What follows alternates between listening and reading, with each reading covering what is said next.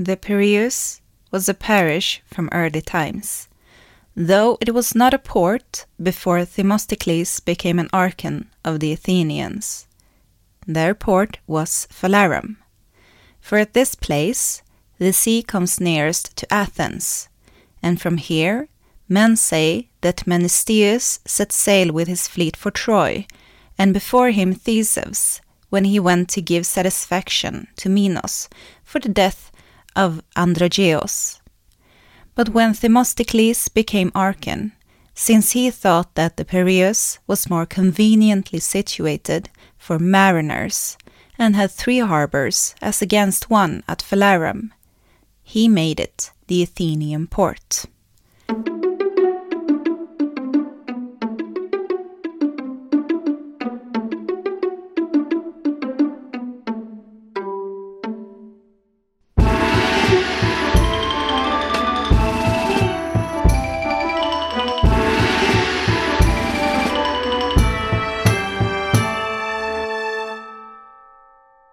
Sommaren är här och många av oss har semester.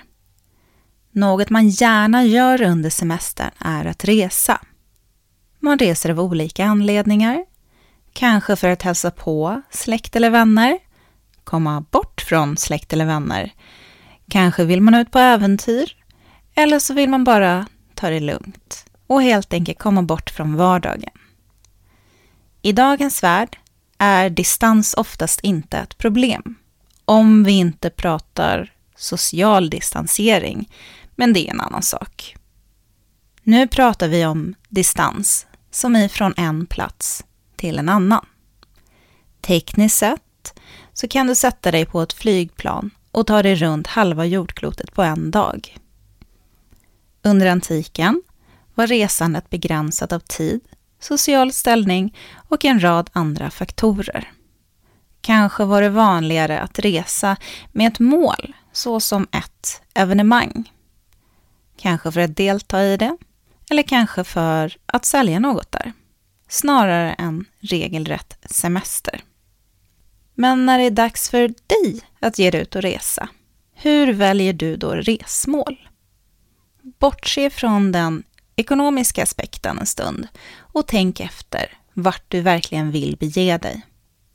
Har du ett resmål i åtanke? Bra. Men varifrån får du då informationen om ditt valda resmål? Internet såklart, ja, jag vet. Men man skulle även kunna plocka fram en reseskildring. Hur låter det? Ingen som säger emot? Bra! För resor och reseskildringar i bokformat är nämligen exakt vad vi ska beröra under dagens minisnitt. Hej och välkommen till Podius Castus, en podd om antiken. Idag med mig, Angelica. Lite information om reseskildringar då. Reselitteratur, det är en genre som i sin tur innehåller olika kategorier. Det är kategorier som utomhuslitteratur, vilket är reselitteratur som helt enkelt berör resor i vildmarken och aktiviteter som exempelvis att hajka, bergsklättra och paddla kajak, alltså helt enkelt aktiviteter som utförs utomhus. Sen har vi guideböcker, vilka är utformade specifikt för besökare eller turister i ett område.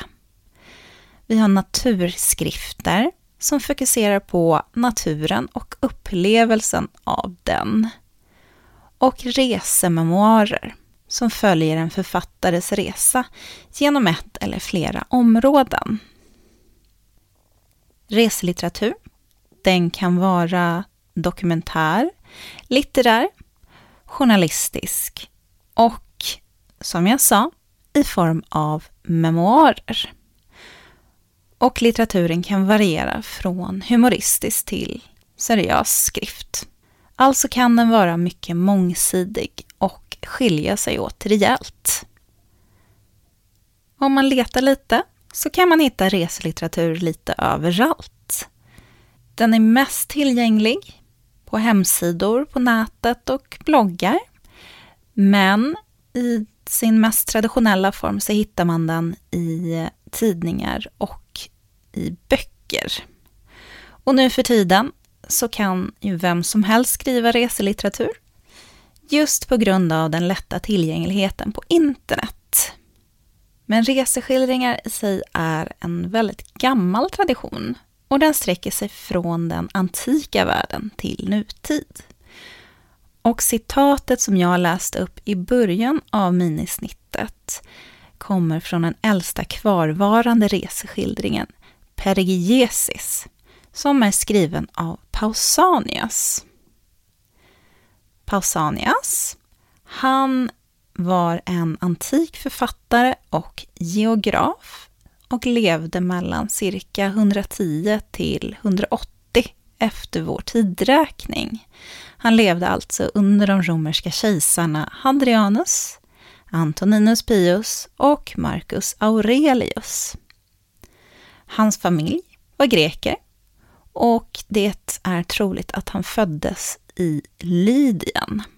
Han var en mycket berest man och vissa platser som man vet att han har besökt är Mindre Asien, Antiochia, Jobba, Jerusalem, Jordanien, Egypten, Makedonien, Kampanien och Rom i Italien samt Grekland.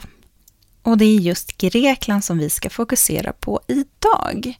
För skriften som jag nämnde, Perigiesis, har det fulla namnet Perigiesis des Elados, rundresa i Grekland. Detta är en skrift som är till hjälp för många forskare inom antiken. Och detta på grund av vad Pausanias valde att inkorporera i den. Värt att notera är att det finns äldre reseskildringar, men ingen som är lika välbevarad som denna. Pausanias, han hade ett stort intresse av Grekland och spenderade förmodligen en stor del av sitt liv i landet. Perigesis är ett resultat av 20 års resor och efterforskningar, sammanlagt i tio detaljerade böcker. Skriften i sig är uppdelad geografiskt som en kontinuerlig resa. Mellan runt 150 till 180 efter vår tidräkning samlade Pausanias ihop information och skrev sin reseskildring. Och som sagt, Pausanias var en välberest man. Dock måste sägas att även om han reste mycket så använde han sig även av textkällor. Textkällorna gav honom kunskap om de frågor som man skulle ställa när han besökte platser. Allt för att garantera att han kunde få fram den information han ville framföra till sina läsare. En av de texter som han använde sig av var Iliaden, vilken är väldigt rik på bland annat platsnamn. Som jag sa så representerar Perigesis en lång resa, alltså en kontinuerlig resa genom Grekland. Men skriften i sig är förmodligen egentligen ett resultat av flertalet resor och inhämtandet av kunskaper under en längre tid. Det är ovanligt att man får veta vad Pausanias själv hade för sig på sina resor. Det finns inget som refererar till aspekter som rör själva resandet. Det finns inga personliga intryck eller erfarenheter. Men självklart måste hans erfarenheter under resorna ha färgat hans åsikter om platserna. Hur kan man då tänka sig att förberedelserna inför sightseeingresor som denna såg ut? Undrar du säkert. Det undrar jag med. För det vet man ju inte riktigt. Pausanias själv tyckte nog i alla fall att hans skrift kunde vara bra att ta med sig. Några pergamentrullar i bagaget, kanske något opraktiskt, men kanske även något som förgyller resan. Skulle man färdas en längre bit under antiken så var båt att föredra.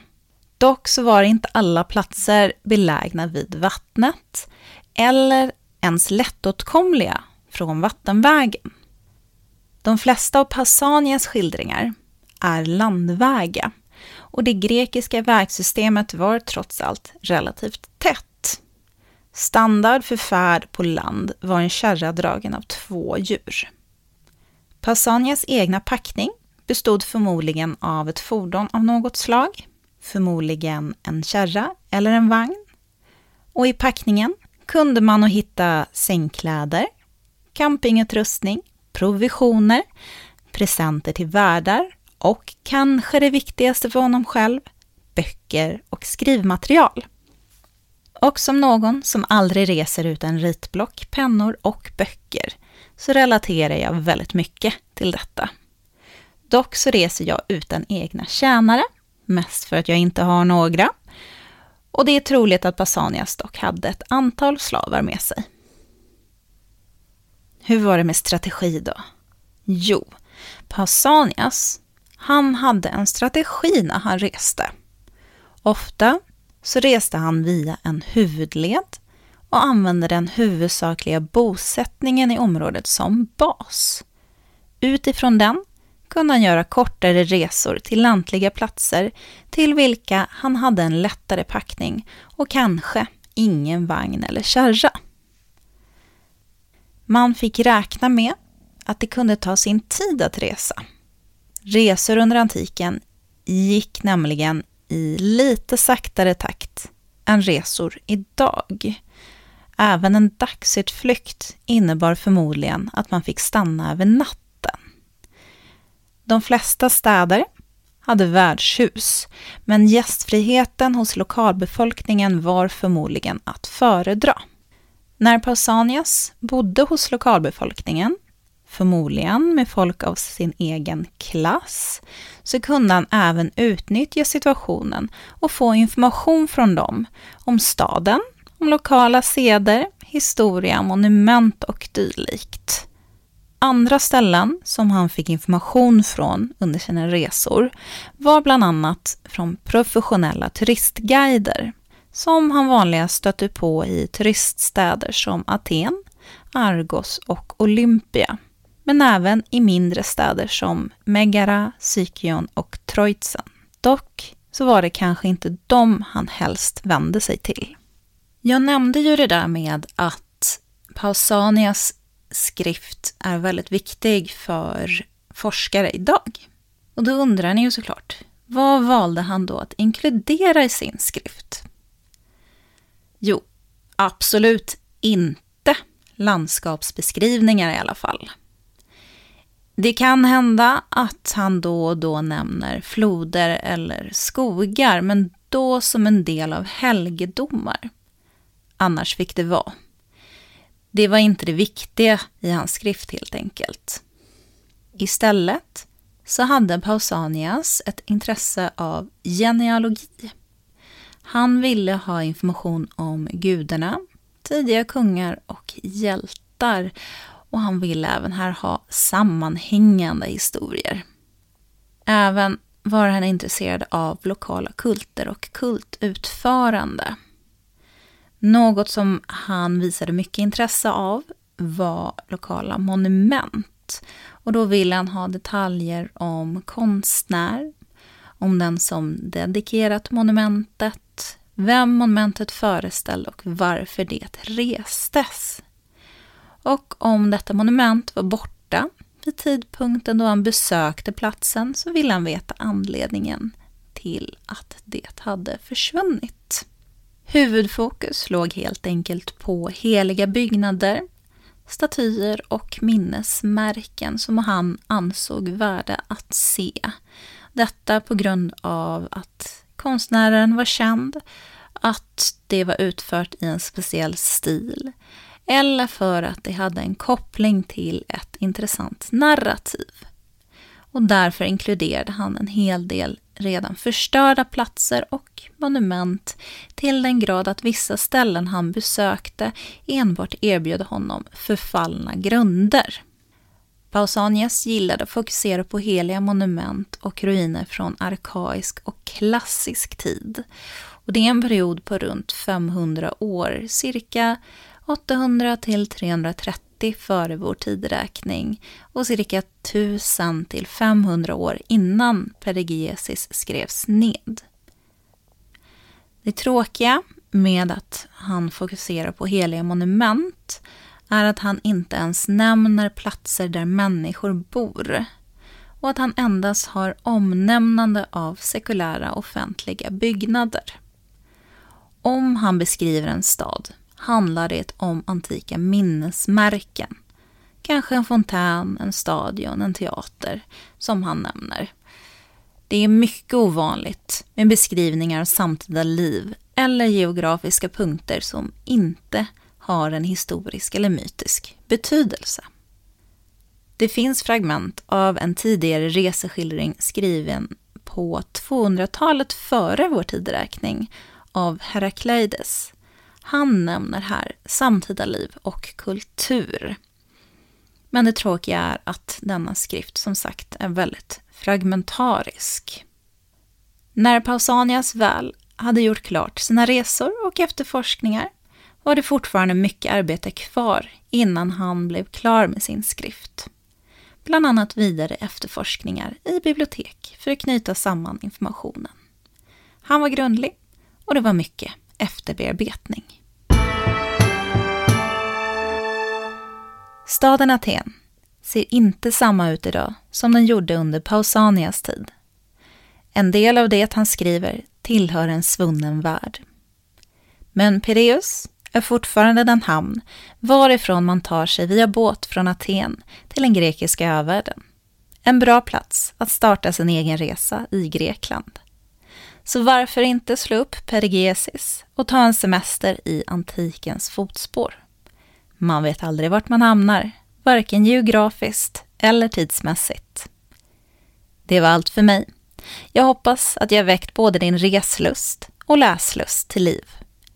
Vill du komma i kontakt med oss finns vi på Instagram under Podius Castus, på mejl podiuscastus.gmail.com och även på Facebook. Tack för att du har lyssnat. Trevlig fortsatt sommar och på återhörande.